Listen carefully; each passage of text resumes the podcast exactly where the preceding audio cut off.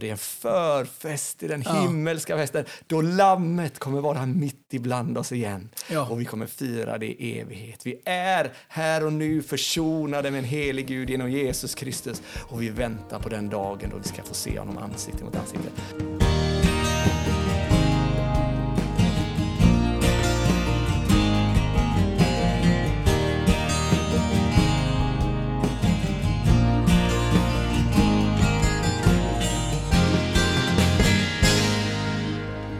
En sommar som bjudit på sådär väder har vi haft ett litet uppehåll i podden, men nu är vi tillbaka. Evangeliet förändrar allt. En podd från Rotad lyssnar du på. Jag heter Joel Magnusson och vid micken mitt emot, som vanligt, sitter mannen som varje morgon i frustration skriver en debattartikel till dagen och som älskar libabröd med utsmetad bosknisk fetaost och röda bärmarmelad. Nima Mottalebzadeh. Det var nog den bästa eh, introduktionen hittills, tror jag. Var det så? Jag tror det. Du fick till den. Hur, hur, jag funderar lite hur din process ser ut med de här introduktionerna. Liksom, bestämmer du i bilen på vägen hit eller är det någonting du har funderat på? Jag skickar, lite, jag skickar lite sms till folk som jag tänker kan veta någonting. Berätta om det libi, libiska brödet, höll jag på att säga. Det, det libabrödet, vad är det? Eh, Det, det är ju eh, vanligt liba, de här runda, platta bröden. Och så köper man, jag minns inte namnet, men det är, det är en jättegod bosnisk fetaost. Stora vita bitar. Eh, man kan hälla lite kokande vatten på det så att det blir mjukare och lätt, lättare att smeta ut. Och så drar man på ett ganska tjockt lager på brödet. Och så, så smetar man på en sån här eh, fyrsmaksmarmelad, avlånga flaskor. Jag minns inte vad de heter, vad det är för märke. Jag är dålig på att göra reklam. Eh, och sen så gör man det till en eh, rulle och det är, eh, det är mumma. Är det något du bjuder Sofia på när det ska vankas fest? Jag tror att jag bjudit henne på det någon gång för länge sedan innan vi gifte oss. Och hennes reaktion var? Eh, jag vill gifta mig med dig. Ja, det tror jag knappast. är det fortfarande Mottalebzadeh? Sa jag det bra för övrigt? Motaleb sa det. Ja, Ja, absolut. Du säger det jättebra. Ja. Sofia säger det väldigt bra. Det är ju hennes efternamn numera. Så, eh, men, Då men, behåller ni det? Ja, hon heter så officiellt nu. Hon har fått ett nytt Ja. körkort och allt. Okej. Har du haft en bra sommar? Tack och lov. Jag har haft en eh, mycket bra sommar. Inte så mycket sol och bad förstås, men eh, Är det viktigt?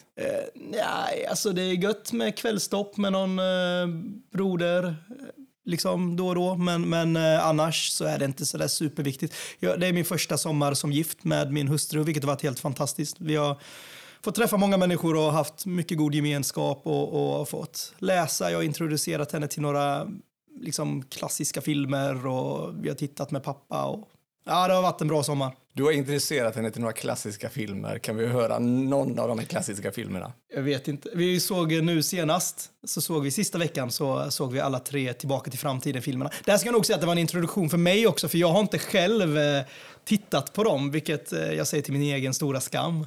Men det är ju sjukt, för de har jag ju återsett nu. Eller i alla fall de två första. Jag älskar ju dem. De Alltså tvåan underbara. var fantastisk, verkligen. Jag tyckte också det var spännande när jag skulle förklara för min son, som inte hade sett dem, vad de handlar om. Han åker fram, tillbaka och, och sen lägger man av. Liksom. Det, går ju, det går knappt att förklara, det går bara att se. Men eh, det kan vara ett filmtips. Ja, verkligen. Jag är lite besviken på sommaren. Jag är lite som han som eh, skrev till Allmänna reklamationsnämnden och stämde typ Moder Jord eller något sånt läste jag om någon. Jag skulle önska att det var lite bättre väder, men jag har haft en bra sommar med, med semester framförallt och vila. Du har fått Eh, träffa John Piper. Det var i våras kanske? Nej, det var i... det var i början av juli, ja. Ja, just det. Och det kan vi ha nästan, håller på att säga ett helt avsnitt om, men det var en fantastisk möte med en fantastisk gudsman, ödmjuk och eh, ja, att få se eh, hur evangeliet och Bibeln och den heliga Ande har format en, en, en, en människa eh, med sådant inflytande att ändå vara så ödmjuk och så liksom jordnära, det var, det var fascinerande att se faktiskt. En snabb fråga om det då. Är han lika passionerad när man träffar honom som han är i alla sina predikningar? Absolut, han är lika passionerad och, och framförallt så skulle jag säga lika naturlig. Eh, jag hade bara ett kort samtal med honom. Eh, men slogs av det liksom. Det, att det var äkta och det är väldigt roligt att se. Alltså, vi sätter inte människor på pedestaler uppe dem, men det, det är fantastiskt när, när, när, inte bilden krossas och man blir besviken utan, Verkligen. utan snarare blir liksom ännu mer överraskad. Vad äkta det är och, och, och fantastiskt att se. Eh, Inspirerande. om du skulle ta mig till en, ett riktigt smultronställe, en vacker plats, vad skulle du ta mig då? Jag skulle ta med dig till eh, antingen sandbankerna i Jönköping. Det är lite underwhelming kanske. Jag skulle ta med dig till eh, Strömsbergsskogen i Ljungarum där jag växte upp eh, i Jönköping. Fantastisk skog, det finns en herrgård där, det finns jättemysiga små röda hus. Det finns en damm, ett mini, jag ska inte säga vattenfall, men, men eh, en jättemysig damm. Och när jag växte upp, nu ser jag den aldrig längre, så brukar det alltid vara en svan i vattnet där. Och sen så skulle vi promenera upp tillsammans mot ekobyn några hundra meter längre bort och titta på hönsen och tupparna som går omkring där i de fina husen. Ja, det är underbart. Jag blev fascinerad när du berättar om den här skogsupplevelsen. För när jag läser ditt Facebook och din svampplockning tänkte jag, där är en människa som aldrig har befunnit sig i skogen. Men du har alltså växt upp i skogen i Jag kan säga, jag kan säga ja, det har jag. Jag har växt upp, jag har tagit promenader där. Jag kan bara säga snabbt att en av mina medelste i församlingen, Jona Fransson, han, han skickade ett sms till min fru under semestern. Hon hade lagt upp en bild på att vi var ute och grillade eller vi var i skogen eller någonting. Och så skickade han och skrev till henne som svar på den här bilden att hur kommer det sig att ni gör en massa roliga saker som du lägger ut bilder på medan Nima bara lägger upp en massa tråkiga bilder från, på, på texter och böcker. Underbart. Underbart. Om jag skulle ta med dig Ja, så skulle precis. jag ju ta med dig till någon av alla vackra platser på Tjörn. Det finns ofantligt många. Eh, jag upptäckte en bara under sommaren, en vandringsled på Herrön som i och för sig är en ö utanför Tjörn. Jag skulle nog inte ta, välja den, även om den var fantastisk. Jag skulle nog välja Dyrön faktiskt. Eh, och det vill jag rekommendera alla lyssnare att gå Dyröleden, eller i alla fall delar av Dyröleden. Dyrön är en ö utanför Tjörn. Dyr är ju norska för djur. Dyrön, djurön alltså. Det Okej. går eh, spännande mufflonfrån där, eh, som ser ut som lamor. Kan man. Men det får vi kanske ta och göra någon gång då. Ja, det, det är absolut. Den är så vacker. Det är skog blandat med berg och liksom, ja, Mm. svårt att beskriva. Underbart. Det får vi göra någon gång. Innan vi går in på dagens ämne så tänkte jag ta lite pålysningar så att säga. Eh, påminna om saker som ligger framför. Jag vill framför allt påminna om att Sam Alberry kommer till Sverige 4 till 9 september. Och jag vill uppmana er som lyssnar till detta, var med och sprid info om detta. 4-9 september kommer han till Sverige. 4 september är han i Betlehemskyrkan i Stockholm. 6 september i Bottnaryd pingst. 8 och 9 september i Sankt Pauli i Göteborg. Och jag ska säga det att ni kan hitta mer information och vi kommer skriva det i avsnittsinformationen eh, på rota.se sen Hittar ni mer information om exakt upplägg. Men i, på de första dagarna i, i Stockholm, Jönköping och första dagen i Göteborg så för så att säga vanligt folk så behövs ingen anmälan till kvällssamlingen. Det är bara att komma till den samling som är klockan 19.00. Den är öppen för alla och det behövs ingen anmälan. Däremot frågestunden som kommer vara både i Stockholm, Pingst eh, Bottnaryd och i St. Pauli Göteborg på fredagen eh, som är för präster, pastorer och ledare klockan 15.00. Den behöver man anmäla sig till.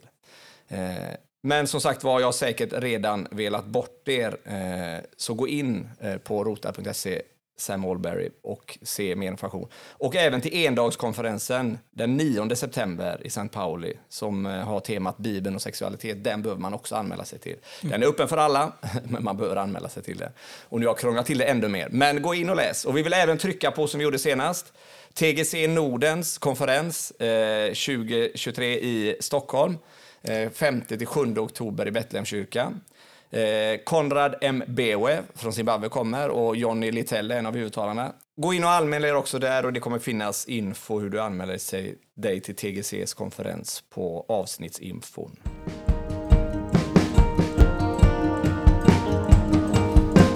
Idag ska vi alltså tala om församlingen eh, och det blir den första delen av två delar. Eh, och det kommer bli ett avbrott emellan de här delarna för nästa gång när vi träffas, jag, du, Nima, så har vi med oss en gäst. Ja. Ska vi droppa den gästen nu? Säger man droppa för övrigt? Nej, det gör man inte säkert. Ja, men ska vi bestämma, berätta vem det är? Ja, men det kan vi göra. Filip Larsson. Och då kommer vi tala om musiken i gudstjänsten, tillbedjan i gudstjänsten. Precis. Och Filip är en god vän till oss båda. Han Precis. har varit eh, vakanspastor i någon missionsförsamling någonstans och nu ska han bli föreståndare i en pingstförsamling någonstans. Pingstkyrkan i Vallhamra, eller Vallhamra pingst i Partille tror jag det är. Precis. Närmare bestämt. Precis. Och det ser vi fram emot. Så detta blir alltså eh, ett, en, eh, två delar, men det blir ett avbrott emellan då vi har Filip Larsson med. Vi har valt att kalla det här avsnittet för Evangeliet skapar församlingen. Vad menar vi med det? Ja, men vi menar att eh, evangelium föregår församling. Eh, evangelium ger upphov till församling. Församlingen är en produkt av evangeliet om Jesus Kristus. Jesu Kristi församling är ett resultat av Jesu Kristi evangelium som med nödvändighet går före. Precis. Ska vi utveckla det ännu mer? eller? Nej, jag tror vi kan stanna. Jag tänker också att, att vi är försonade med Gud och vi är också försonade med hans kropp, med hans församling, med bröder och systrar. Ja. Vi föds in i en familj. Ja. Eh, och ett ämne som inte kunde passa bättre kan man väl säga, för du Nima, du har ju ägnat de senaste två, eller hur lång, lång tid har du ägnat åt att läsa litteratur som bara handlar om eklesiologi, som det så fint heter. precis. Ja, ja, men precis. Det är eh, två år nu eh, sen jag flyttade till Göteborg och började studera eklesiologi. Eh, exakt. Jag, jag har spenderat de senaste två åren med att läsa massor av litteratur om just läran om församlingen. Eh, framförallt, men inte uteslutande, ur ett eh, historiskt protestantiskt och då främst baptistiskt perspektiv. Skulle du kunna ge bara, vad har varit liksom, vad, är upptäckten, eller vad är liksom, om du skulle summera kort, vad, vad har du fått med dig av all den här litteraturen? Vad, vad är liksom... Det är jättesvårt. Jag, jag kan säga så här, min övertygelse, det här kommer låta väldigt krast, men, men, men jag tror att det ändå förmedlar precis vad jag har i hjärtat. Det jag har fått med mig framför allt har varit att min övertygelse om att den baptistiska traditionen gör rätt har förstärkts. Eh, Och det kommer vi ju prata om idag, inte framförallt om den baptistiska traditionen, men om läran om regenerated membership som man snackar om på engelska. Den halvdana svenska översättningen blir ju pånyttfött medlemskap. Jag tror att det finns extremt mycket i det som är relevant för den svenska frikyrkligheten och att vi har tappat bort detta någonstans. Och att väldigt många problem som vi ser idag, som vi talade om förra gången, kan spåras tillbaka till att vi har negligerat just läran om pånyttfött medlemskap. Vi kommer att återkomma till vad vi menar, eller vad du menar med när du säger på, pånytt för ett medlemskap. Ja. Eh, och bara innan vi går in i dagens ämne tänkte jag kort att vi berör de olika situationerna vi står i. Vi har ju sagt det i något tidigare avsnitt, men bara för att, för att liksom påminna eh, lyssnarna också om att vi står i väldigt olika situationer och sammanhang. Eh, Ja. Och du har ju läst alla de här, all litteraturen med ett syfte, och vilket syfte är det? Precis. Eh, Så på- syftet, eller målet, är ju att eh, vi ska plantera en församling. Så om Gud vill flytta jag och Sofia och vi kanske tar med oss en eller två till medlemmar från församlingen till Jönköping nästa vår för att efter något halvår eller så tillsammans med en grupp där grunda en baptistförsamling. Eh, så jag kommer ha en medelste. Vi kommer vara två personer eh, som leder församlingen. Ehm, och det har varit poängen från början att komma till Göteborg, förbereda för en församlingsplantering i en annan stad. Och det kommer bli min älskade hemstad Jönköping. Och, och när exakt sa du att eh, du kommer liksom vara på plats i Jönköping? Så målet är att vi flyttar till nästa vår eller sommar eh, och sen så till hösten eller mer troligt januari 25 är tanken att vi ska förbinda oss till varandra eller grunda en församling officiellt. Så om man älskar Guds ord, älskar evangeliet och bor i Jönköping och lyssnar på det här och vill vara med i en sund församling, vad, vad gör man Skick- eh, då? då? Då slår man mig en signal eller man skickar mig ett meddelande och så tar vi en fika så har vi eh, lite samtal. Man hittar dig på Facebook. Du Man hittar ganska, mig på Facebook. Du är ganska aktiv. Men nu är du inte i Jönköping, utan nu... Nu är jag i Göteborgs åttonde baptistförsamling som en av pastorerna där. Och eh, det är en församling som är fem år gammal. Namnet antyder ju, låter som att den församlingen är uråldrig och har stått där sedan Abraham gick i skåt som de brukar säga. Men eh, vi, vi har bara funnits i fem år. Eh, namnet signalerar väl att det är en församling som står i någon form av historisk kontext. Eh, men det är en ung församling. Eh, till skillnad från dig, Joel, som är i... Jag är ju pastor sedan 12 år tillbaka nu faktiskt, Ja, i, på Tjörn, i, i två eh, missionsförsamlingar numera. Eh, och jag tänker att det är ganska intressant att ha med sig när vi, när vi Mm. närmar oss de här sakerna. Eh, lite slarvigt uttryckt så ska, skulle man väl kunna säga att du befinner dig i ett församlingssammanhang där många av de här bitarna, eller alla av de här bitarna, är på plats mer eller mindre. Eh, och jag befinner mig i ett, i ett församlingssammanhang där vi, där vi rör oss liksom åt ett håll att, och funderar kring de här och, och, och liksom, eh, där inte vi har den här historiken av att eh, som missionsförsamlingar. Sen kanske vi inte är så representativa för Eh, vi, eh, vi är inga klassiska kanske ekumeniaförsamlingar i en modern tappning men, Nej. men, eh, men vi har våra rötter i Missionsförbundet. Eh, Så du är i ett mycket mer etablerat eh, och äldre sammanhang än vad jag är. egentligen. Absolut. Så, ja. Absolut, och, och många av de här delarna eh, har vi, kan jag ju säga helt ärligt, vi har dem inte på plats som församling än. Mm. Och vi vet, eh, jag vet kanske vad jag vill, men jag, eh, jag, vi vet inte fullt ut liksom, utan vi är på väg där Ja. någonstans. Och jag vill bara tillägga det så att det inte låter som om vi har allting på plats. Liksom. Det, är ju, det är ju, finns ju, en församling kommer ju alltid ha olika sorters problem och utmaningar och så är det. Men jag tror att eh, ja, men det vi vill säga är att vi har kanske lite olika sorters utmaningar. Yes. Och jag tror också att, för detta blir ju första delen där vi kanske mer talar om hårdvaran eller liksom församlingens strukturer. Ja. Eh, och, och även om man har dem på plats så, så är det inte säkert, nu menar jag att ni inte har det, men det vi kommer att prata om mer nästa gång, gemenskapen, den djupare Verkligen. gemenskapen. Ja. Eh, den är ju en ständig utmaning även om man har alla liksom, eh, rätta tankar så att säga. Men det kommer vi med till nästa gång. Eh, men då, Låt mig bara tillägga där, att jag, Ja. jag, för jag, jag tror att det är jätteviktigt det du säger. Att jag tror att vi ofta gör så att vi spelar ut de här bitarna mot varandra. Strukturer å ena sidan och varm, god evangelisk gemenskap å andra sidan. Och så säger vi liksom, vi spelar ut dem mot varandra som om den ena är viktigare än den andra. Men jag menar att de förutsätter varandra. Den ena förutsätter alltid den andra.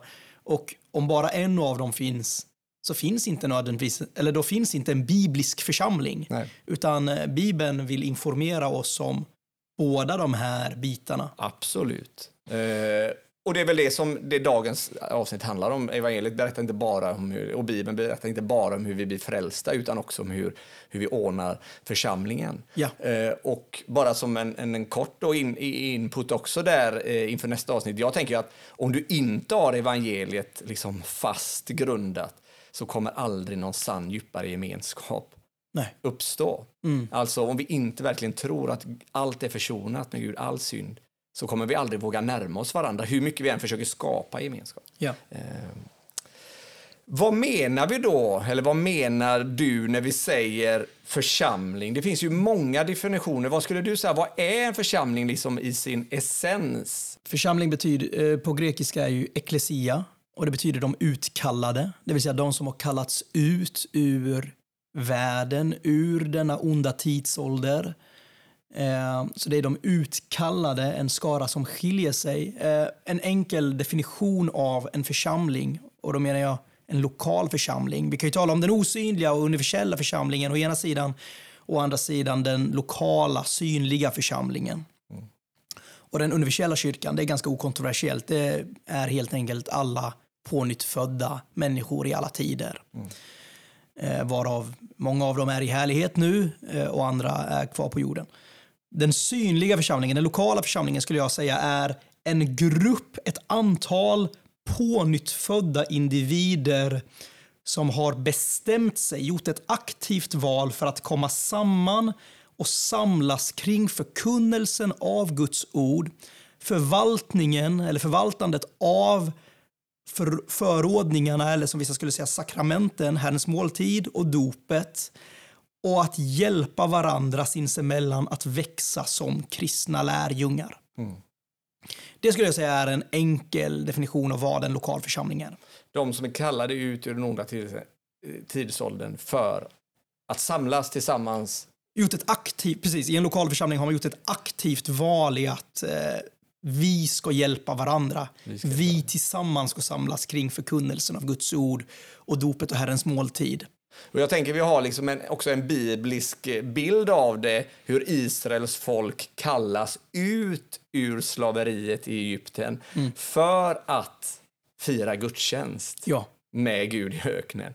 Alltså där har vi en väldigt tydlig bild av detta utkallandet. Verkligen. inte bara att de blir befriade från slaveriet, alltså, och vi blir befriade från syndens slaveri eh, och ut till öknen bara för att vara, utan det också samlas Verkligen. kring. Eh. Så det finns, där finns det ju både kontinuitet och diskontinuitet. Den, som du säger, det är en väldigt bra bild, en väldigt bra illustration av församlingens syfte. Den stora skillnaden är ju att Eh, just det här med, jag sa, pånyttfödda individer. Mm. Där, där vi ser att majoriteten av de som lämnar Egyptens land inte hade den inre gemenskapen med Gud, utan endast den yttre ceremoniella. Precis. Och det är därför det är så viktigt med att församlingen sker fysiskt. Mm. Församlingen sker inte online och, och, även om vi älskar att göra podd och vi tror att den har betydelse så, så du som lyssnar det, det sker inte bara genom att jag själv sitter hemma och lyssnar på massa predikningar eller poddar, även om de så är bra, utan det sker när vi kommer samman fysiskt med andra troende. Eh, och det behöver vi, och speciellt behöver vi påminnas om det, tänker jag, i en tidsålder där mycket är online. Eh, och jag tänker också, en vanlig uppfattning är ju att människor säger, församlingen är inte så viktig. Det viktiga är jag Gud. Det är jag och Jesus eller min familj och Jesus. Att vara med i en församling är inte så viktigt. Vad skulle du svara på en, på en sådan eh, människa som säger så? Det, det, är som en kniv i hjärtat när man hör det där. Eh, vi är församling hemma eller vi, vi, ja, men, eh, vi hinner inte med just nu och så vidare. Vilket visar att församlingen har blivit sekundär i en människas liv, i en kristens liv. Eh, det är väldigt tydligt när vi läser Bibeln att den för, för, att vara krass. Jag inser att många sitter här och lyssnar och kanske inte har möjlighet att vara med i någon församling eller så. Men, men om jag är väldigt generell nu eh, så skulle jag säga att en församlingslös kristen är ett för Nya Testamentet främmande koncept. Det finns inte en sån kategori i Nya Testamentet. En kristen är någon som lever i gemenskap. Det kristna livet är designat av Gud för att levas i gemenskap med andra kristna. Vi klarar inte oss själva på egen hand. Vi, det här är inte en, ett enmannaprojekt eh, där, där, vi kan vara frifräsare som kör vårt eget race. Och jag, jag, det är jag och min bibel eller jag och Gud i mitt vardagsrum bara. utan Bibeln är väldigt tydlig med att vi ska organisera oss i kollektiv. Eh, det är ju ett uttryck, det du beskriver är ett uttryck för den moderna individualismen som står helt och hållet i, alltså stick, och, stick i stäv, stick, vad säger man? Stick, stick i stäv. Stick i stäv eh, med den nytestamentliga undervisningen om kristen efterföljelse. Och där, där skulle jag säga att där har vi ju, vi har jätteutmaningar för hur vi strukturerar församlingar i, i Sverige idag. Mm. Men vi har också en jätteutmaning som vi kommer prata om nästa gång. Att möta individualismen. Ja, verkligen. För vi är, som jag upplever extremt individualistiska i Sverige. Ja. Och, och, och har svårare för djupare Jag tror att vi är, eh, alltså statistik visar att Sverige är världens mest individualistiska land. Det finns fler liksom, eh, som bor själva i Sverige än i något annat land, mig veterligen. Eh, fler bostäder där det bara är en person registrerad än i mm. något annat land. Eh, och, och, jag tror att vi är väldigt naiva om vi tror att detta inte spiller över på församlingen också. Mm. Och, och det, det, jag, jag, tycker det är så viktigt att du säger det också med att vi klarar oss inte utan församlingen. Mm. Alltså, när vi ofta tänker, måste jag, eller, eller ofta, men vissa kanske tänker, måste jag gå med i församlingen? Varför behöver jag? Bibeln säger ju så här, du klarar det inte utan. Mm. Det är mm. som att koppla bort livet från mm. dig. Att, att inte vara med i någon form av gemenskap bröd och systrar. Just därför, som, att du säger, som du säger, vi behöver varandra. Ja. Alltså, eh, vi behöver formas tillsammans, vi behöver lyssna tillsammans och så vidare. Får jag göra ett tillägg där? Så, eh, för att illustrera det du säger, och jag tror att vi ska inte stanna vid detta därför att det hör mer till nästa avsnitt som vi kan återkomma till nästa gång då. Men bara ett sätt som det blir tydligt att vi inte klarar det kristna livet på egen hand är att det är omöjligt att lyda så många befallningar i Nya Testamentet om jag frikopplar mig från andra kristna i en lokal församling. Så otroligt många befallningar, imperativ i Nya Testamentet är så kallade varandra-befallningar. Gör detta mot varandra, var sådana mot varandra. Och när vi läser dem ser vi att den överväldigande majoriteten av de här är liksom i Paulus brev riktade till lokala församlingar. Och en del av de här buden är helt enkelt omöjliga att lyda om jag isolerar mig själv. Eh, om jag är själv så kan jag inte fira Herrens måltid. Om jag är själv så kan jag inte bli tillrättavisad. Om jag är själv så kan jag inte bli uppmuntrad. Eh, och alla de här delarna är, meningen, är menade att forma och helga oss som kristna. Det är svårt att älska varandra. Om det inte finns något, verkligen. Att älska varandra. Men också där att, att alltså jag, vi vill ju trycka på det att alltså, det är krångligt att vara församling. Mm. Men vi behöver det. Vi behöver våra bröder och systrar. Vi behöver våra pastorer som under... Alltså vi, vi måste utifrån den, vi ser det. Jag behöver ja. komma på söndagen och även om jag är nere så behöver jag se min bror eller syster lovsjunga och påminnas. Han är samma Gud idag. Ja. Lufterna håller och så vidare. Ja. Vi behöver församlingen.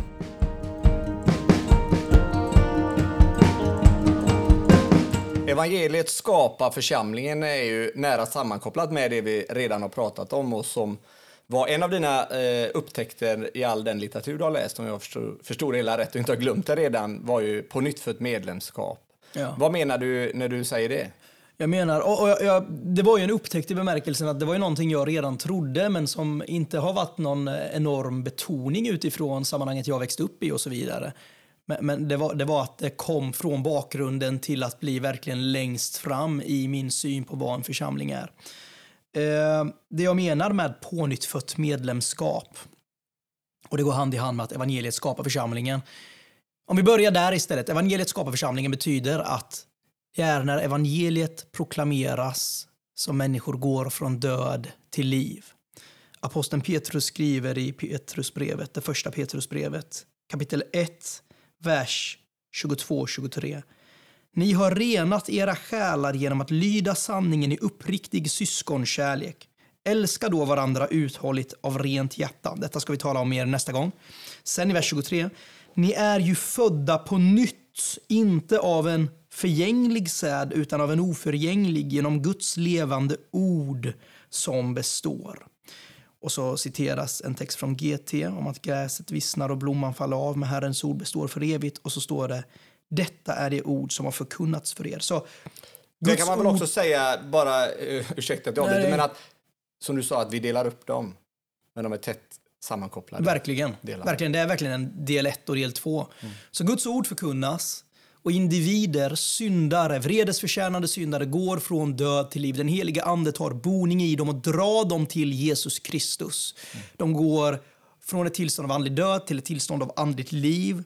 De börjar älska Gud, älska Kristus. De blir kristna.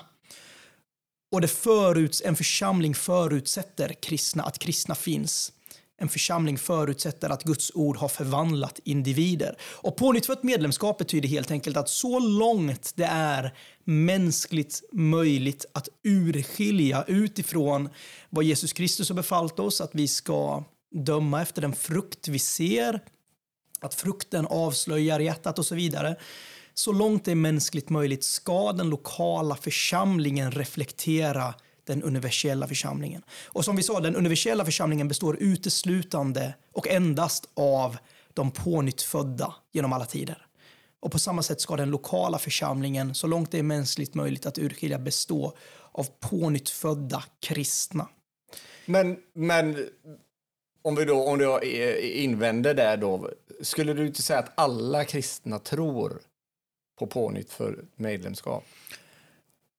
Nej, så här då, om en församling som inte tror att dopet är pånyttfödande, vilket Ekumenia inte skulle säga, eh, eller Alliansmissionen, de skulle inte säga det, tror jag.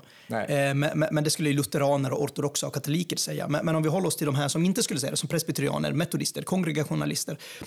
Om de skulle säga att vi spädbarnsdöper och spädbarnet blir därmed också medlem i den lokala församlingen. Då har man också tagit avstånd från läran om pånyttfött medlemskap. Precis.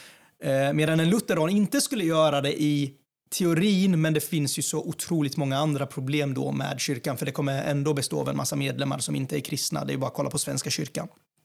Men det är ju det jag menar, om man då flyttade till oss frikyrkor så, så upplever jag ju att problemet eh, inte snarare är att de flesta skulle nog säga att Även om de inte använder begreppet på nytt för medlemskap. Att, men det håller jag med om. Men Ja. frågan är hur vi bedömer det och hur vi Exakt. utvärderar det. Och där skulle jag säga att vi har sänkt kraven något väldigt. Och Vi har det blivit räcker. otroligt pragmatiska. Verkligen. Och, och jag skulle säga också i baptistiska sammanhang där man är väldigt tydliga med, med liksom vuxendop eller vad vi vill kalla det. Så har man nästan Vi kallar det inte för vuxen. Nej, troendedop. Men alltså det man inte döps Ja, som barn. precis. Men att då har man, man har nästan samma syn som Luther. Är Ja. du döpt så är du frälst. Och då Precis. går du med i församlingen. Verkligen. Och jag Eh. har varit med i sammanhang där man mer eller mindre tigger människor om att hoppa ner i baljan, typ, och bli döpt. Eh, Snarare än att urskilja, är detta en pånyttfödd kristen? Precis. Eh, och jag har varit med i sammanhang där man, som du säger, verkligen också nästan har sett att om du låter döpa dig, det är då du blir kristen. Eh, och och, och ja, men det är som du säger, vi har sänkt ribban. Vi, vi, vi, talar inte generellt, även om vi skippar begreppet pånyttfött medlemskap, vi talar inte ens om pånyttfödelse så mycket längre. Vi talar om beslut. Och inte frälsning heller egentligen. Nej, verkligen. Jag Alltså- hör många tala om gudsmöten men aldrig Ja. om frälsning nästan. Verkligen, verkligen. Och jag tror att det handlar bland annat om att man har eh, svårt för de här svartvita övergångarna, de här tydliga före, efter, vi och dem. Tydliga, skarpa linjer menar man hjälper mer än det hjälper. Och jag skulle vilja argumentera för att det är, det är tvärtom. Det hjälper snarare än att hjälpa, vilket de mer diffusa begreppen gör. Och det är där jag, åtminstone upplever jag det så i de sammanhang jag befunnit mig, så har man liksom haft det som ett mantra. Vad den personen har i sitt hjärta, det vet vi inte. Precis. Och det skulle jag ju säga är extremt obibliskt. Ja, verkligen. Alltså, Bibeln talar ju om frukten, och, munnen talar det hjärtat fullt. Alltså att vi ser, sen så kan man bli, hamna i andra diket och bli väldigt så. eh, Liksom. Verkligen. Eh, Och det, och det tänker jag vi kan prata om snart, men jag tänker att det är en fara. Det är vi liksom, tron är bara något inre och vi kan inte veta. Jo, Bibeln säger att vi kan veta om något, för det visar sig i livet, det visar sig i frukten och helgelsen, även om det sker över tid. Och jag tänker också att vi måste komma ihåg att när vi talar om detta så tänker jag åtminstone, som du nämner också, att det är en, en hjälp. För det vi vill är ju att, att det är pånyttfödda just därför att då har Gud gjort ett verk i dem och då kommer han fortsätta sitt verk. Han, de är får till heden och heden kommer leda dem. Ja. Och problemet är ju om vi får in människor som inte är får så behöver vi försöka med våra medel. Men om det är får till heden så kommer heden och vi får vara en del av det snarare än att vi behöver skapa. Förstår du? Liksom, det är där, och det är snarare därför, det är en hjälp både för människan som kommer med och en hjälp för församlingen också. Att vi vill försäkra oss om att det är verkligt liv och frälsning och på nytt Verkligen, och jag tänker att det här också är, som vi talade om tidigare, det är det här med att vi kan inte se människans hjärta och det är bara mellan den och Gud. Det är ju också ett uttryck för den här individualismen egentligen. Eh, och, och, och, och alltså det förlorade fåret talar man om och det är ett får. Jo, men heden hämtar ju fåren tillbaka till jorden. Det är inte så att han plockar upp eh, fåret och sen så går de eh, på, på en egen privat vandring, utan fåret ska alltid tillbaka till flocken, eh, som är den lokala församlingen. Eh, jag, jag tror verkligen att... Jag tror så här, jag, jag, jag vet inte om jag har sagt detta i ett tidigare avsnitt eller inte. Med de stora debatter vi ser i den svenska frikyrkligheten kring äktenskap, sexualitet och så vidare, så hör jag ofta från konservativt håll att ja, men det stora svärdet som går genom kristenheten, det är bibelsyn. Det är hur vi betraktar Bibeln, eller hur vi ser på äktenskapsfrågan utifrån hur vi betraktar Guds ord. Och jag tror inte att det är så, utan jag tror att bibelsynsfrågan pekar tillbaka, äktenskapsfrågan pekar tillbaka till bibelsynsfrågan, men bibelsynsfrågan är inte grunden. Den pekar tillbaka på ytterligare ett mer grundläggande problem. Och det är just frågan om pånyttfödelse och pånyttfött medlemskap. Därför att den som är pånyttfödd kommer älska Guds ord och kommer ha en hög bibelsyn.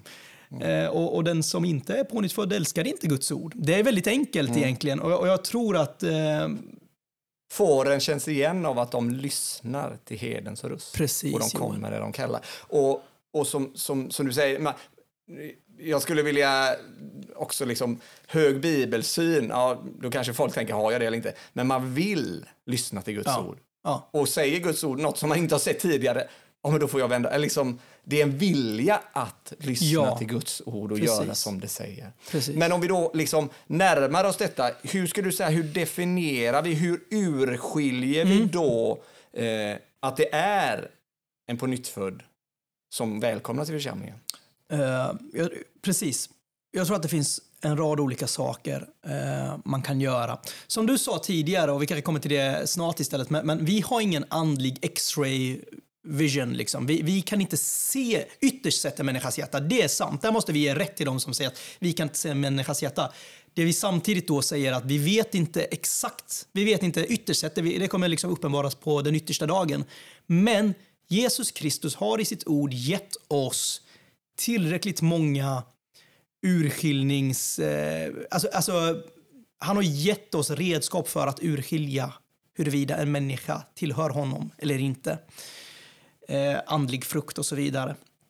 Och det är meningen då att vi också ska göra det. Det är inte bara meningen att vi ska backa, utan tanken är att den lokala församlingen ska urskilja. Det finns flera saker vi kan göra. Jag skulle säga att en sak som verkligen skyddar eller vaktar församlingens pånyttfödelse, församlingens renhet på det sättet, är just troendedopet. Eh, vi, vi döper endast den som vi tror bär en frälsande tro på Jesus Kristus. Vi döper inte spädbarn, vi döper inte, på samma sätt som vi inte skulle döpa eh, en eh, troende mans icke pånyttfödda hustru, döper vi inte dens icke pånyttfödda dotter, eh, ett spädbarn. Vi döper endast den som har bekänner Kristus som Herre. Om vi har ett annat redskap som är närliggande till det så är det ju att vi försöker urskilja huruvida den bekännelsen bara är verbal eller om det finns ett förvandlat liv bakom. Så vi är inte snabba med att döpa. Vi är inte, och vi är inte heller långsamma.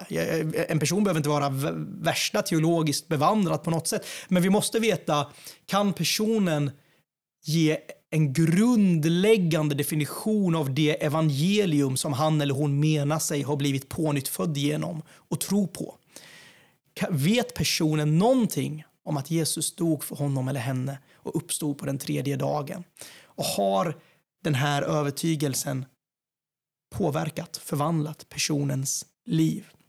Och jag skulle säga en tredje eh, aspekt av detta som verkligen lyser med sin frånvaro i svensk kristenhet är församlingsdisciplin. Och, där, och, där, och det kommer vi till snart också. Men, Ja. men det är därför som jag skulle säga att det är så viktigt att vi Liksom, jag sa faller i, faller av, faller alla i, i, i något annat Jag och, avsnitt. min, eh, jag och Sofia brukar skratta varje gång vi är lyssnar det, på är dig det så gammalmodigt? Det låter så roligt bara. Ja. Men lite så är ju det med, det är omöjligen, eh, eller omöjligen, det är, det är omöjligt att ha församlingsdisciplin om man inte har försäkrat sig. Alltså kommer du till en opå på nytt född och försöker ha församlingsdisciplin, Ja. det är ju en helt annat utfall. Men kommer du till en människa som, som, som vill följa och lyssna, så även om den inte vänder om med en gång, Mm. eh, så kommer ju den göra det. Alltså det blir ju helt olika grepp liksom. Och, helt, och vi får göra, ja, Verkligen. finns det risk att vi blir för liksom eh, kategoriska där, alltså att kunskapen bedöms alldeles för hårt? Ja, absolut. Och jag tror att det är viktigt att vi inte försöker urskilja huruvida någon är en mogen kristen, huruvida någon är teologiskt bevandrad, huruvida någon är kunnig. Det är inte det, är inte det vi vill komma åt. Det vi vill komma åt är, är den här personen kristen? Är den här personen en ny skapelse i Kristus Jesus? En pånytt, kanske ett spädbarn i Kristus? Men är personen i Kristus överhuvudtaget? Och min erfarenhet är att, och och jag säger det med smärta, den överväldigande majoriteten av frikyrkoförsamlingar i Sverige är inte mån om att urskilja det. Om någon vill bli medlem, då blir personen medlem. Pastorer och församlingsledningar, äldstekårer, församlingar, för jag tror att detta är hela församlingens angelägenhet, inte bara äldstekårens, är inte mån om att vinnlägga sig om att det här är en pånyttfödd människa. Och en av anledningarna till det är att församlingen redan består av icke pånyttfödda medlemmar. Vill- Absolut, och jag, och jag, jag tänker också, och jag har egen erfarenhet av det. Jag tror också att tyvärr så upplevs det som ett hot snarare som en hjälp. När man till exempel ber en människa, ska vi vänta, ska vi fortsätta samtala, ska vi se? så upplevs det som ett hot snarare som en hjälp. Det ses att- ju som att- exkluderande. Och, och, och man tappar någonstans bort den här aspekten av att jo, men församlingen är exkluderande i bemärkelsen att de som inkluderas är de som tillhör Kristus. Mm. Eh, Ett bibelord som ofta kommer upp när det gäller detta är ju i, i, i Jesu liknelsetal i Matteus. Eh, jag tänker inte att vi läser det, men ni kan läsa det hemma. Det är ju när Jesus talar om liknelsen om ogräset. Eh, vilket kapitel är det nu? kapitel 13 i Matteus. Liknelsen om ogräset. Om hur, en, hur, hur, hur himmelriket är som en man som sådde god säd i sin åker, men medan folket sov kom hans fiende och sådde ogräs mitt ibland vetet och gick sedan sin väg. Alltså det sås både och ogräs och vete. Och min uppfattning eh, är ju att många använder det här bibelordet och säger ja, men det kommer alltid vara en blandad skara. Och jag tror att även om vi vårt, vårt mål är att försäkra om att det är på nyttfödda som vi välkomnar. Så kommer det ändå vara blandat. Men jag tycker man använder det här ordet som om det vore självklart. Och framför allt så missar man i det här ordet Vers att, å, 38. att åken är Världen. åken är världen. Exakt, ja. exakt. Alltså att jag har ju så många som använder det här om församlingen när det talas om världen. Detta är ju en standardtext bland... eh, Nu låter jag väldigt kritisk och det kanske är för att jag är det, men, men- bland vissa spädbarnsdöpande traditioner så är ju detta verkligen en go-to-text för att visa att det inte är vårt jobb att... Jag, jag gör citationstecken här, folk ser ju inte det. Att exkludera, eller jag, gör inte alls det för det är att exkludera människor från församlingen därför att det kommer vara blandat. Men som du säger, den här texten är väldigt, väldigt, väldigt tydlig med att åken är världen, inte församlingen. Nej, och jag skulle säga att inte bara i, där man döper barn, utan i, i många sammanhang används den här. Eh, som ett argument då för att vi inte, vi inte ska... Och, och, och som sagt var, det kommer aldrig göras perfekt och, och, och liksom fullkomligt, men vårt mål är just för det är en hjälp för den vi välkomnar. Verkligen. Alltså, är det en är det en som inte är född på nytt så behöver den försöka producera på nytt Det är ju fruktansvärt. Vi vill ju försäkra oss om att på nytt har skett- skett i den människas liv.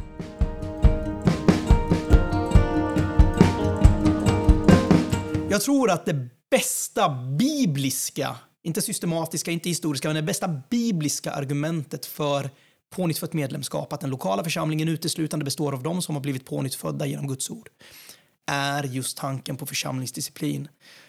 Jesus Kristus i Matteus kapitel 16, första gången han talar om församlingen, förlåt mig, i kapitel 18, andra gången han talar om församlingen,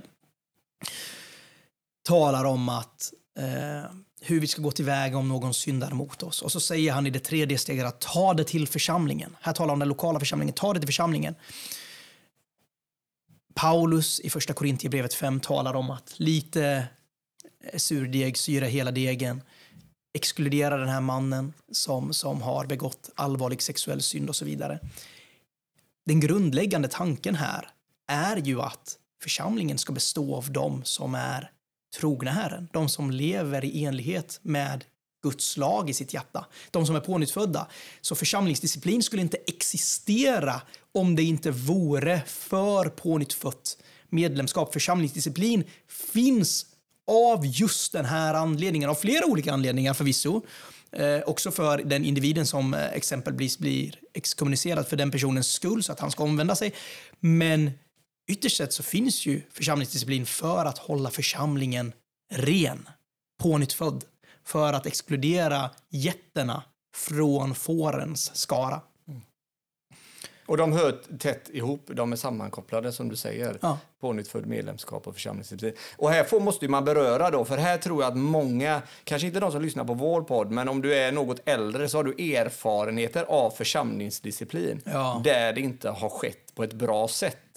Och där tror jag, eller inte bara tror, jag vet att det är ett stort hinder i Sverige idag. Verkligen. Jag, jag, jag är övertygad om att alla, allt missbruk av detta har stängt dörren för en sund biblisk församlingsdisciplin.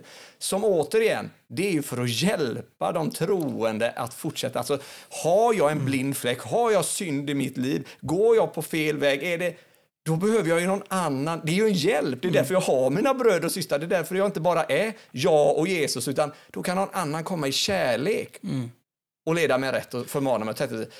och men all, alldeles för ofta så har det använts fel eh, i historien. Verkligen. Eh, och därför har man liksom kastat det. Det där är på, på historiens skräphög. Det där sysslar vi inte med, för där är bara fel. Och, och, och så många gånger är det bara för att man har hanterat det fel. Så kastar vi inte ut det. Och jag tror att en av anledningarna till att vi säger församlingsdisciplin och inte församlingstukt eller kyrkotukt är att- för att vi vill avassociera oss från den, den dåliga historiken som finns i frikyrkan. alltså där, där verkligen folk blev eh, exkommunicerade ur pingsförsamlingar för att deras företag gick i konkurs och det var ett bevis på att man var en dålig förvaltare av pengar. Och då istället för att få stöttning av församlingen och bli älskad av bröder och systrar så kastades man ut. Det är ju, det är ju Och jag har hört människor som, som blev eh, uteslutna eh, utan att ens veta om det. Alltså de fick reda du är utesluten. Ja. Och Bibeln talar ju snarare om att man, man går till den ska och en lång process. ja. Och och ger möjligheten för att vända om. Det är ju det som är målet. Verkligen. Målet är ju inte uteslutning. Och jag tror att det är viktigt när vi talar om detta att poängtera att församlingsdisciplin är mycket bredare än exkommunikation eller uteslutning. Det är det sista, sista, sista steget när en församling säger som församling, som Guds rikes ambassad på jorden, kan vi inte längre med rent samvete inför Jesus Kristus bekräfta dig som en kristen, så vi, för att använda bibliskt språkbruk, överlämnar dig till Satan.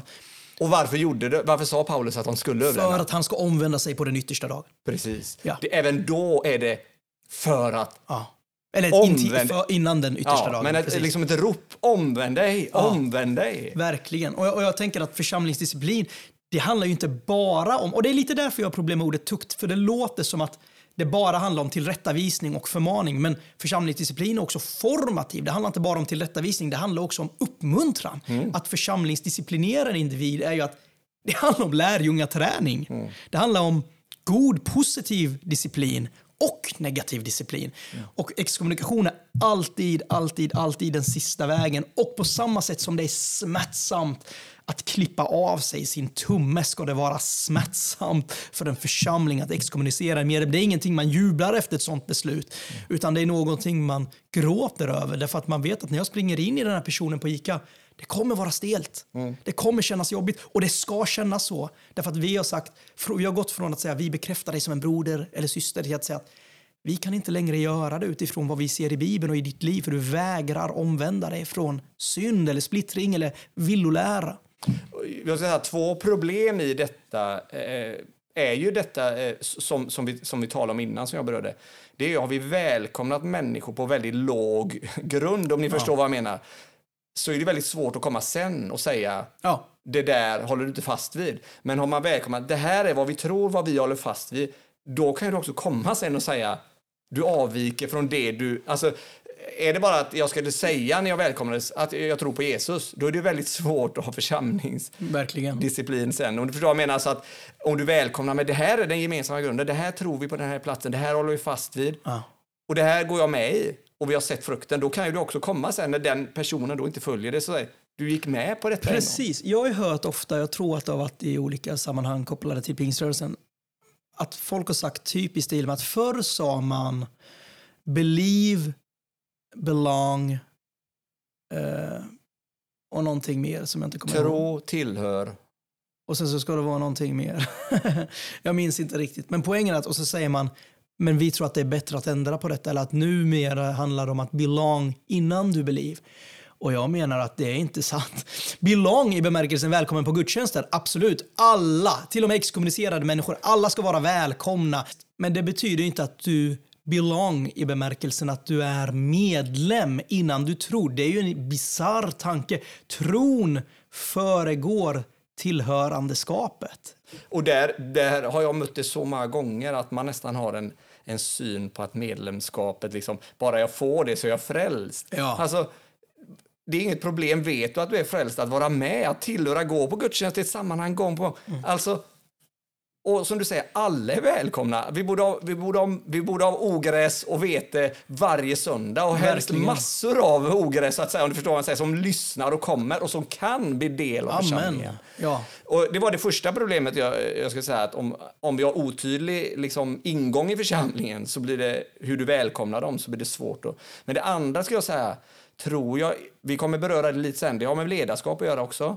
Eh, men det har också med det vi kommer till nästa gång. Den djupare gemenskapen. Ja. Vi lever för långt ifrån varandra. Ja. Och, vi, och ofta använder man texten i Matteus 7 med flisan och bjälken. Mm. Och, så, och så, så, så, så säger man att slutklämmen av flisan och bjälken är att ja, men då, ska vi inte, då ska vi inte gå till rätta med varandra. Ja. Och snarare är det så att texten vill säga, har du bjälkar, börja hos dig själv, ta itu med dem, vänd om. Och när du har gjort det så säger Jesus, så ser du klart och kan hjälpa Precis. broder. Och så tar vi- Alltså att, och det, och, och det, det jag tror att problemet är ju, skulle jag säga med detta, är att hade vi haft närmare och djupare relationer så hade detta fungerat mellan bröder och systrar i församlingen ännu mer. Där man hjälptes åt i vandringen att förmana och leda varandra, uppmuntra varandra, bära varandras bördor och allt detta. Ja, en tillrättavisning eh, kommer ju inte landa rätt om jag inte är övertygad om att du som tillrättavisar mig älskar mig och gör det för mitt bästa.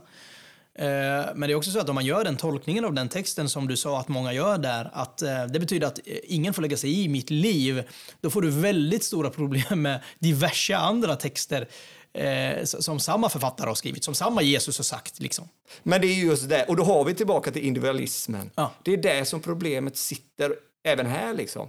Egentligen så använder vi de texterna för det vi vill är att vi vill inte ta bjälken eller fliserna i våra egna ögon. Nej. För då slipper det är egentligen, och jag skulle säga att det är därför det inte existerar många gånger också. Ja. Eh, även om inte ledarskapet utför det så fungerar inte församlingen. För jag vill inte att någon ska Nej. göra det i mitt liv.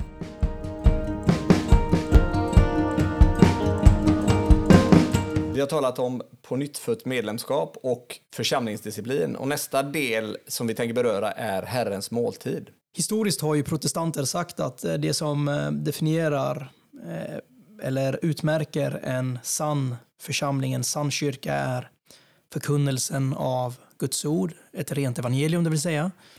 Eh, rätt bruk av förordningarna eller eh, sakramenten, Herrens måltid och eh, dopet samt ett rätt bruk av församlingsdisciplin. Så jag tänker att Herrens måltid verkligen går hand i hand med det här med dopet och församlingsdisciplin. På flera olika sätt. Eh, det finns kopplingar till församlingsdisciplin, det vill säga att när vi når den yttersta punkten av församlingsdisciplin, exkommunikation, så säger vi till en person att den inte längre kan ta del av Herrens måltid. Men också till dopet är att det vi säger i dopet, både till världen, till församlingen, till oss själva och till Gud, det förnyar vi varje gång vi tar Herrens måltid. Dopet och Herrens måltid är eh, förbundstecken. De är tecken på att vi tillhör det nya förbundets folk, att vi tillhör församlingen. Dopet och Herrens måltid urskiljer det pånyttföddas gemenskap. Så i dopet säger vi ja till Kristus och till hans församling. Vi döps in i församlingen. Och i Herrens måltid så säger vi fortsatt ja till Kristus och till hans kropp. Om man läser första Korintierbrevet 11 så är det tydligt. Vi är en, en kropp som kommer samman och delar ett bröd och en bägare tillsammans. Eh, jag, jag uppskattar, jag läste i en bok eh, vars namn jag inte riktigt kommer ihåg just nu. Det spelar ingen roll. Eh, nej, precis. Men att i nattvarden så ser vi inåt, utåt, framåt, bakåt och uppåt. Vi ser inåt, vi rannsakar oss själva och omvänder oss från vår synd. Vi ser uppåt till Gud i tro på honom, att han är andligt närvarande eh, i brödet och vinet som representerar Kristi kött och blod. Vi ser bakåt till Kristi korsverk, eh, vad han gjorde för oss på Golgata när han gav sitt liv. Vi ser eh, framåt. Vi, vi, vi förkunnar Herrens död tills dess han kommer åter för att hämta oss och vi ska få träda fram i härlighet tillsammans med honom. Men vi ser också utåt till våra bröder och systrar i församlingen, till de andra som delar samma bröd och dricker samma bägare. Vi bekräftar varandra som Kristi kropp. Och därför tror jag att det är viktigt att betona att Herrens måltid är en församlingsmåltid, det är en familjemåltid. Jag tror inte att det är rätt att ta Herrens måltid på konferenser med tusentals människor eh, som vi inte känner. Inte heller egentligen på bröllop eller hemma när jag hänger med mina kristna kompisar. Det är en församlingsmåltid. Det ska tas i kontexten av den lokala församlingen därför att det är det vi ser i Bibeln. Uh, hur, hur, gör du med en medlem som inte har möjlighet av sjukdom eller annat att Nej, jag tror absolut att då är det äldstes uppgift att se till att den individen får del av Herrens måltid. Eh, men jag tror att det normativa är att vi tar det på gudstjänsten. Herrens måltid, precis som dopet, gestaltar evangeliet. Det, det, är en bild av evangeliet, vad Kristus har gjort för oss och vad han ska göra för oss. Och det är viktigt att betona, det är inte framför allt vad han har gjort för mig, utan vad han har gjort för oss mm. som gemenskap. Det finns en individuell aspekt av det, där vi gläds åt att Kristus har dött för mig. Han har inte bara dött för en stor skara, han har också dött för mig. Eh, jag, jag, lever i den här kroppen i tron på Guds son som har älskat mig och utgivit sig för mig, skriver Paulus i Galaterbrevet 2, 19-20. Men han har dött för oss och det är en församlingsmåltid. Det är en familjemåltid. Jag brukar göra en bild när jag talar om eklesiologi, församlingslära, där jag säger att dopet, troendedopet, är ytterdörren till huset. Medlemskapet är husets fyra väggar. Eh, evangeliet är kaminen liksom som värmer upp hela huset. Exkommunikation eller församlingsdisciplin, det är bakdörren. Och Herrens måltid, det är middagsbordet. Det är familjebordet där församlingen träffas kontinuerligt för att eh, värma sig vid kaminen, vid evangeliet.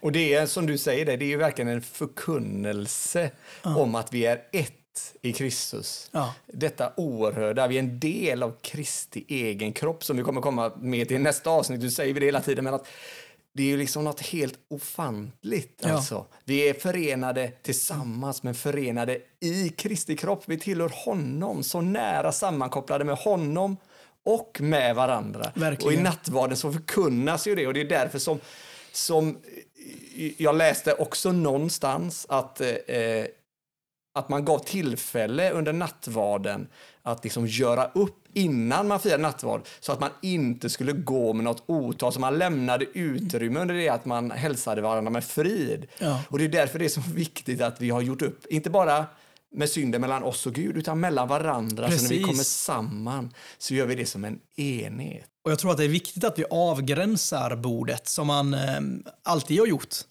Eh, men, som vi eh, dessvärre inte gör så ofta idag. Jag har varit i sammanhang där pastorn har sagt i inbjudan till Herrens måltid att du är välkommen att ta emot Jesus i kön fram till Herrens måltid. Men Herrens måltid är en församlingsmåltid. Det är för de som är kristna. Det är de, för de som är döpta. Eh, så jag tror att det är viktigt att avgränsa bordet. Det är klart att ytterst sett så ska vi inte... Det är upp till individen att själv avgöra om den kan ta Herrens måltid eller inte. Men det är vårt jobb som församling och som församlingsledare att avgränsa när vi firar Herrens måltid och säga att det här är för dig som tillhör Kristus och är döpt och är en del av en lokal evangelisk gemenskap. Nu har vi talat ganska mycket om, om liksom ordningen kring ja. nattvarden och så vidare, men vi får inte heller glömma det du var inne på förut, inåt, uppåt, bakåt och framåt. Nej. Alltså det vi faktiskt firar. Ja, vi firar evangeliets sanningar. Gör detta till minne av mig. Gör detta till minne av mig. Och jag ja. tänker, en aspekt som vi kanske förlorar ibland är just den här framåtblickande. Ja, verkligen. Att det är en förfest. Jag brukar säga det när vi firar nattvard. Det är en förfest i den ja. himmelska festen då lammet kommer vara mitt ibland oss igen. Ja. Och vi kommer fira det i evighet. Vi är här och nu försonade med en helig Gud genom Jesus Kristus. Och vi väntar på den dagen då vi ska få se honom ansikte mot ansikte. Att vi inte glömmer den aspekten. Liksom. Det är en en festmåltid för Verkligen. de som är försonade Det är lätt att bara gå med böjt huvud och tänka att nu, nu är det en stund för skam och skuld. Men, men det är ju tvärtom. Det är en glädjestund och vi blickar bakåt och framåt. Och jag tror, alltså, om vi skulle illustrera detta med äktenskapet, om dopet är själva vigseln som skapar äktenskapet, liksom, eh, så, så, så är Herrens måltid är som den mest intima stunden mellan mannen och hustrun mm. som kontinuerligt bekräftar löftena vi avgav, eh, avla. eh, inför Gud. När vi kommer samman. Jag tror Herrens måltid är just den här intima familjestunden då det är vi och vår Herre. Mm. Och det är intimt och det är varmt och vi igenkänner varandra eh, som kristna och lemmar i Kristi kropp. Och jag skulle säga att nu är ju detta inget uttömligt och inte målet är inte att vara uttömligt om mm. nattvarden och teologi kring nattvarden utan vi, och i alla de här ämnena Nej, så, så, doppar vi nästan bara tårna i, i alla de här delarna ja. så, så bara så folk har med det men, att, men också att bara påminna sig om, om att vi är inte bara liksom ande, själ utan vi är också kropp, att rent kroppsligen skulle jag säga är viktigt att få ta emot. Vi, vi, vi brukar säga att du tar emot i tomma händer för att påminnas om mm. att vi kommer med ingenting. Ja men vi räcks allting. Mm. Alltså det är liksom att evangeliet blir synligt, kroppsligen, liksom vi tar emot ja. allt han har gjort. Intet kan jag giva dig till ditt kors och sluta mig.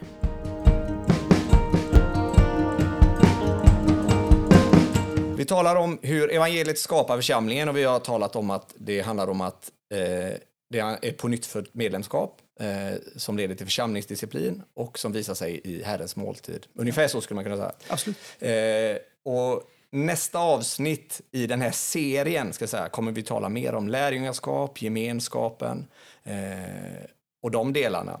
Mm. Eh, vi kommer även i ett avsnitt längre fram tala om förkunnelsen. Mm. Hur vi i gudstjänsten förkunnar evangeliet och hela evangeliet. Och när Filip är här eh, vid nästa avsnitt, som också någonstans flikar in i den här serien, så kommer vi tala om tillbedjan och gudstjänst, som ju också är en del av församlingen. Till sist i dagens avsnitt så vill vi säga något, lite kort kanske, om församlingens ledarskap och Bibelns syn på den. Ja. Och man får väl säga att vi gör det i en kontext av att eh, både du och jag är kongregationalister, det vill säga vi, vi tror att Eh, det ytterst, den yttersta auktoriteten i församlingen ligger inte hos ledarna utan hos medlemmarna. Vi tror att eftersom att vi tror på läran om pånyttfött medlemskap och det allmänna prästadömet så tror vi också att eh, ledarskapet är ytterst sett underordnat församlingen. Jesus Kristus har gett himmelrikets nycklar till den lokala församlingen, inte till den lokala församlingens ledarskap, inte till en eh, särskilt smord skara, inte bara till apostlarna eller någon påve någonstans, utan till den lokala församlingen. Och en av den lokala församlingens uppgifter är att bland sig själva eh, hitta och avskilja ledare. Och du och jag tror på två ämbeten. Joel, mm. vilka är det? Det är äldste och diakoner. Ja. Du, är, du kallas oftare pastor än äldste, men skulle du säga, nu kommer århundradets mest ledande fråga, att äldste och pastor i Nya Testamentet är synonymer? Ja, Absolut. Vilken överraskning. Vilken överraskning. Och jag kan också säga det för lyssnaren. Ja. I, i, I, min församling så har vi inte den här uppdelningen mellan äldste och, och diakoner. Eh, däremot så tror jag på den ordningen. Men Precis. vi är inte där än, bara så att lyssnarna känner till det. Jag tror att det finns både kring det här med äldste och diakon finns det saker som vi skulle kunna reagera på och kommentera. Exempelvis just det här att ofta i våra sammanhang så gör man skillnad mellan äldste och pastor. Pastorn är liksom eh, över äldste, eller vad man ska säga. I många sammanhang, det kanske är lite olika beroende på vilket samfund, vilken tradition och så vidare. Pingströrelsen har varit en väldigt pastorsledd rörelse. Eh, Ulrik Josefsson sa vid något tillfälle att eh, i teorin var Svenska pingsrörelsen radikal kongregationalister, men i verkligheten var den episkopal. Och det betyder mer liksom ledarstyrd Precis, det är individer, precis, ja. biskopar. Liksom. Så, och även biskop betyder i Nya Testamentet samma sak som församlingsledare, pastor, äldste. Samma sak. En pastor är en äldste, är en församlingsledare, är en biskop. Precis. Eh, men också kring diakoner så uppfattar jag att ofta i Eh, i, i många, till exempel i lutherska sammanhang, men det har också spilt över i frikyrkligheten, så ses diakonen som någon som är själavårdare och så vidare. Men, men, men, jag tror att det skulle behöva breddas till det vi ser i Nya Testamentet, att en församlingstjänare är den som är ansvarig för att eh, avlasta äldste genom att ta sig an praktiska uppgifter kanske mer sociala uppgifter, matutdelning, kanske ha hand om måltiden, ekonomi och så vidare. Typ. Och, och det kan man ju säga bara, för vi kommer inte beröra detta uttömligt. Vi skulle kunna ha ett helt avsnitt om bara äldste och diakoner, Ja, pastorer och diakoner. Eh, det man kan säga, tror jag, är viktigt i detta, som själv har varit liksom, som en ögonöppnare, är ju att de flesta eh, i svensk kristenhet tänker nog inte att Bibeln också säger hur vi bör ordna församlingen. Mm. Nej, precis. Alltså att Bibeln ens har en tanke med att det ska vara på ett visst sätt med ledarskapet och ordningen, utan man, man har nog ärvt en, ja men vi har styrelse, vi har det sättet, så har man Precis. aldrig ens reflekterat att Bibeln har en åsikt om hur vi bör ordna församlingen. Verkligen. Eh, och, och bara där skulle jag säga att, liksom, att börja fundera i de banorna, eh, att, att Bibeln faktiskt säger någonting om det. Och det är de två ämbetena, eller de två delarna. Jag tror att det är viktigt att komma ihåg att Jesus Kristus har sagt jag ska bygga min församling. Mm. Eh, Det är inte upp till oss att ha en massa egna tankar om hur församling... Det, det finns områden där vi har eh, lite friare spelutrymme och vi, vi- vi, vi kan liksom utifrån inspiration och erfarenhet och visdom och tradition forma, utforma församlingen på olika sätt och verksamheter. Men när det kommer till frågor om styrskick och ledarskap och så vidare så har Bibeln ganska mycket att säga till om. Och, och, och det skulle jag också säga, eh, bara en sån grej i den situationen där vi inte har den situationen. Jag är den enda så att säga formelle äldsten då, eftersom jag är pastor. Ja. Så, så, så, så tänker jag mycket det att jag är ju övertygad, det är min eh, liksom övertygelse att, att problemet med detta är också att man har ibland synen som om jag vore den enda som Gud hade skickliggjort till att vara äldste på kön. Mm. Jag är övertygad om att Gud har skickliggjort fler. Och att, och att liksom, som jag vet att man pratar ibland i en engelsk kontext tror jag med paid elder Precis. och om det är Lay elder. lay elder, alltså Ja. betald äldste och frivillig. Verkligen. Och jag skulle önska mycket mer att man kom till det. Alltså att, att den uppdelningen, för jag tror att problemet är att vi har den synen att vi anställer Ja. en äldste pastor, anställer en diakon Mm. då kanske i vissa sammanhang. Men att, att det är snarare en blandning. Ja, Av verkligen. Vissa kanske får betalt, vissa gör det Och det du säger är väldigt av. bibliskt. Alltså Paulus skriver att en del äldste sysslar med, de- som sysslar med förkunnelse och undervisning, predikan och undervisning ska ge dubbelheder, det vill säga betalt. Eh, Men det betyder inte att alla äldste nödvändigtvis kommer syssla med att predika från predikstolen lika ofta. Eh, Men vi ser ändå i Nya Testamentet att äldste används ständigt, nästan, pluralt. Det är pluralform, det handlar om det äldste, inte en äldste. Sen är det så, som i ditt sammanhang eller flera församlingsplanteringar, eh, som jag är medveten om, att det är svårt. Det är en ensam äldste och det är bara att prisa Gud för det och tacka för det.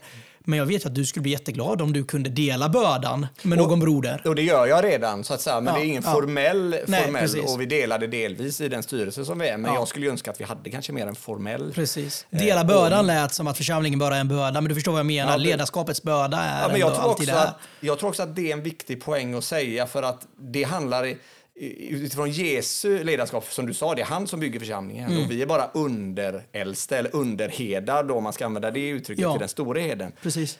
det är ju också en, det är inte en position som, liksom, som jag har för att utnyttja eller för min egen, utan det är ju tjänande. Ja. Det är ju att bära församlingen, leda församlingen, be för församlingen, omsorg för församlingen och förkunna Guds och så vidare. Alltså att, Verkligen. Och, och det tror jag vi också har fått hamna fel när det gäller ledarskap. Det är som att det är en position eller något jag tar mig för mina egna fördelar. Nej, Mm. det är snarare ett ansvar, ett större ansvar. Det är därför som Bibeln varnar för Verkligen. om du ska bli Och där finns det ju två diken där antingen eh, pastorn blir en översittare som kör sitt eget race, superauktoritativ, alla ska göra som han säger, eller bara en anställd och i praktiken en slav så, så, som en dörrmatta som du kan göra lite vad du vill med, liksom, därför att du betalar hans lön. typ. Eh, Men jag, men jag tror att det är viktigt, eh, vi hinner nog inte prata så mycket mer om detta Joel, men, jag tror, eftersom att vi har pratat om eh, olika delar av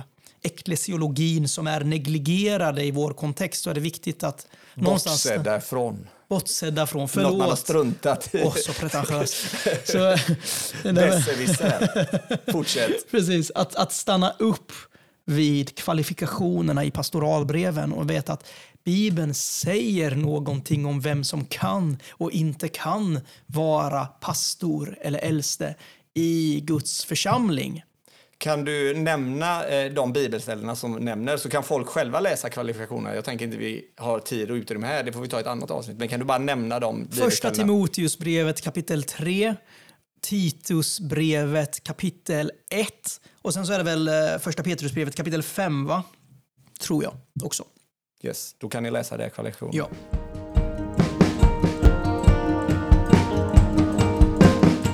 Det känns som att vi är som den pastorn som hela tiden säger nu går jag in för landning och så gör vi aldrig det. Men nu ska vi gå in för landning i alla fall. Vi har talat om en, en, en rad olika saker som bör känneteckna en, en församling och det finns naturligtvis mycket mer att säga om varje del ja. eh, och det finns mer delar att tala om. Några kommer vi beröra i, i kommande avsnitt, men jag tänker att till sist bara då eh, så sitter man och lyssnar här och så ser man eh, avsaknad av de här, de här delarna i sin församling. Man ser att de inte finns på plats. Eh, vad skulle du säga till en person som, som tittar runt och undrar, det finns ingen sund biblisk församling att finna, vara med i där jag bor. Vad skulle du säga till den personen? Flytta. Jag skulle kanske säga mer, men jag skulle bland annat säga flytta. Och jag antar att det är för att det, det, det är liksom för att du lägger en sån betoning på vikten av att vara med jag, jag i ett sammanhang där du får växa. Det är klart att vi har pratat om en massa saker här som är väldigt viktiga men likväl sekundära.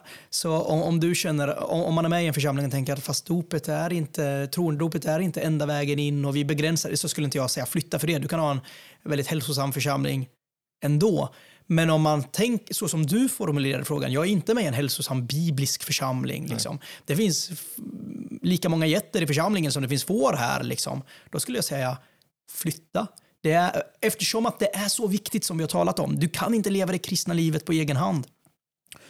Vi flyttar när vi får nya anställningar. Vi flyttar när vi träffar en person att gifta oss med. Vi flyttar av många olika skäl. Men det är väldigt sällan folk flyttar därför att de inte har en lokal evangelisk församling att vara med i. Det här är omistligt i det kristna livet och det är värt att flytta för. Om du bor på en plats där du kanske är nöjd med ditt jobb och ni kanske trivs som familj, men det finns ingen församling där att vara med i. Flytta till en plats där det finns en. Det är värt det. Mm. Sen betyder inte det att din församling måste ha alla bitar på plats. Våra församlingar har inte det. Det finns inte någon församling som har allting på plats.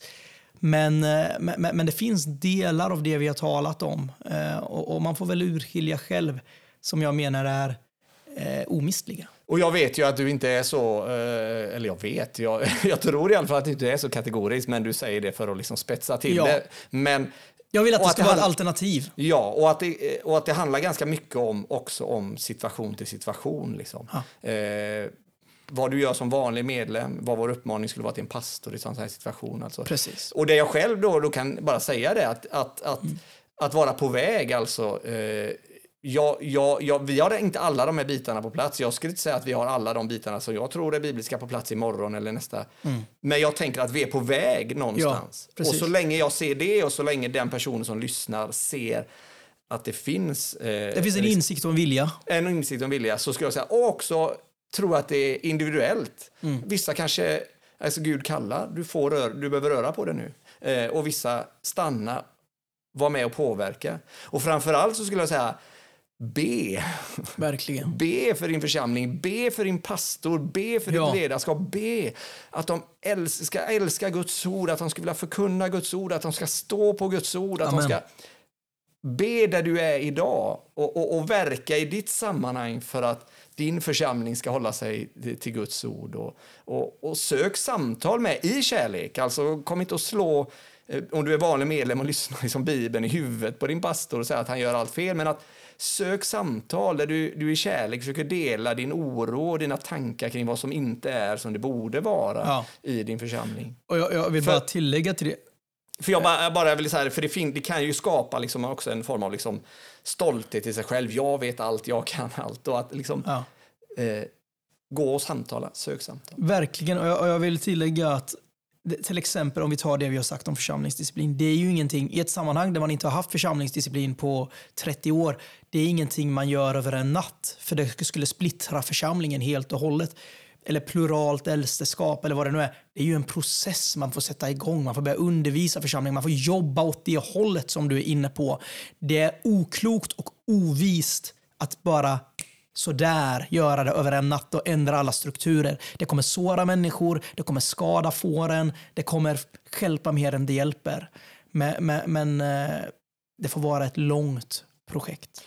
Absolut, och det, och det skulle jag vilja säga, det finns ju en, en, eh, en myt som, som lyder ungefär, för jag ska säga att det är en myt, det finns inga perfekta mm. församlingar. Eh, och hittar du en perfekt så gå inte med, för då är det inte längre perfekt. Mm.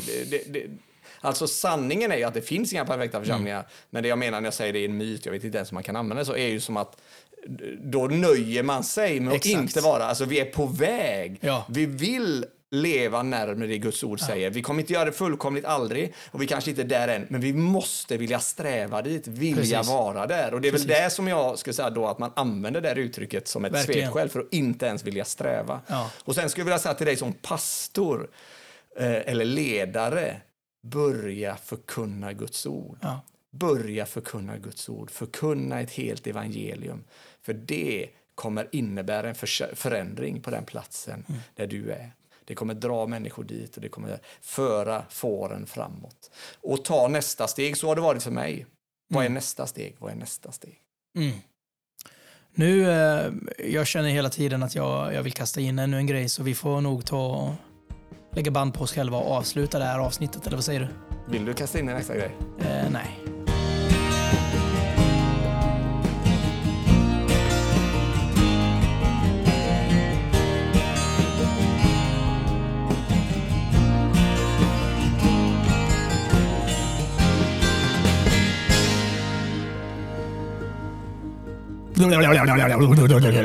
Orka. Vi tackar för idag. tackar för idag.